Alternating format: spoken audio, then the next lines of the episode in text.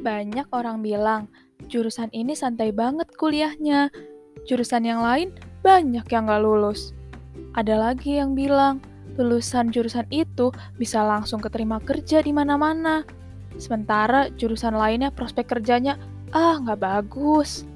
Banyak juga yang mengira jurusan ini jurusannya cowok-cowok, terus jurusan yang lain cocok banget buat cewek. Hmm, omongan orang yang kayak gini nih yang membuat kita salah jurusan. Berdasarkan penelitian Indonesia Career Center Network ICCN tahun 2017, 87% mahasiswa Indonesia mengaku salah jurusan.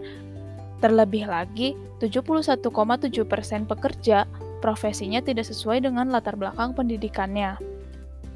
Nah, supaya nggak tergolong orang-orang yang salah jurusan, yuk dengerin mengenal jurusan kuliah dari dini. Podcast ini akan membahas seluk-beluk jurusan-jurusan perkuliahan, dengan narasumber dari berbagai profesi yang menjelaskan gimana sih masuk jurusan tersebut, seperti apa perkuliahannya, pekerjaannya, tugasnya apa, dan gak lupa kita bahas juga apakah pandangan orang tentang jurusan itu benar. Pantengin terus konten kita, jangan lupa share sama teman-temannya supaya kalian dan teman-teman kalian lebih mengenal jurusan kuliah sedari dini.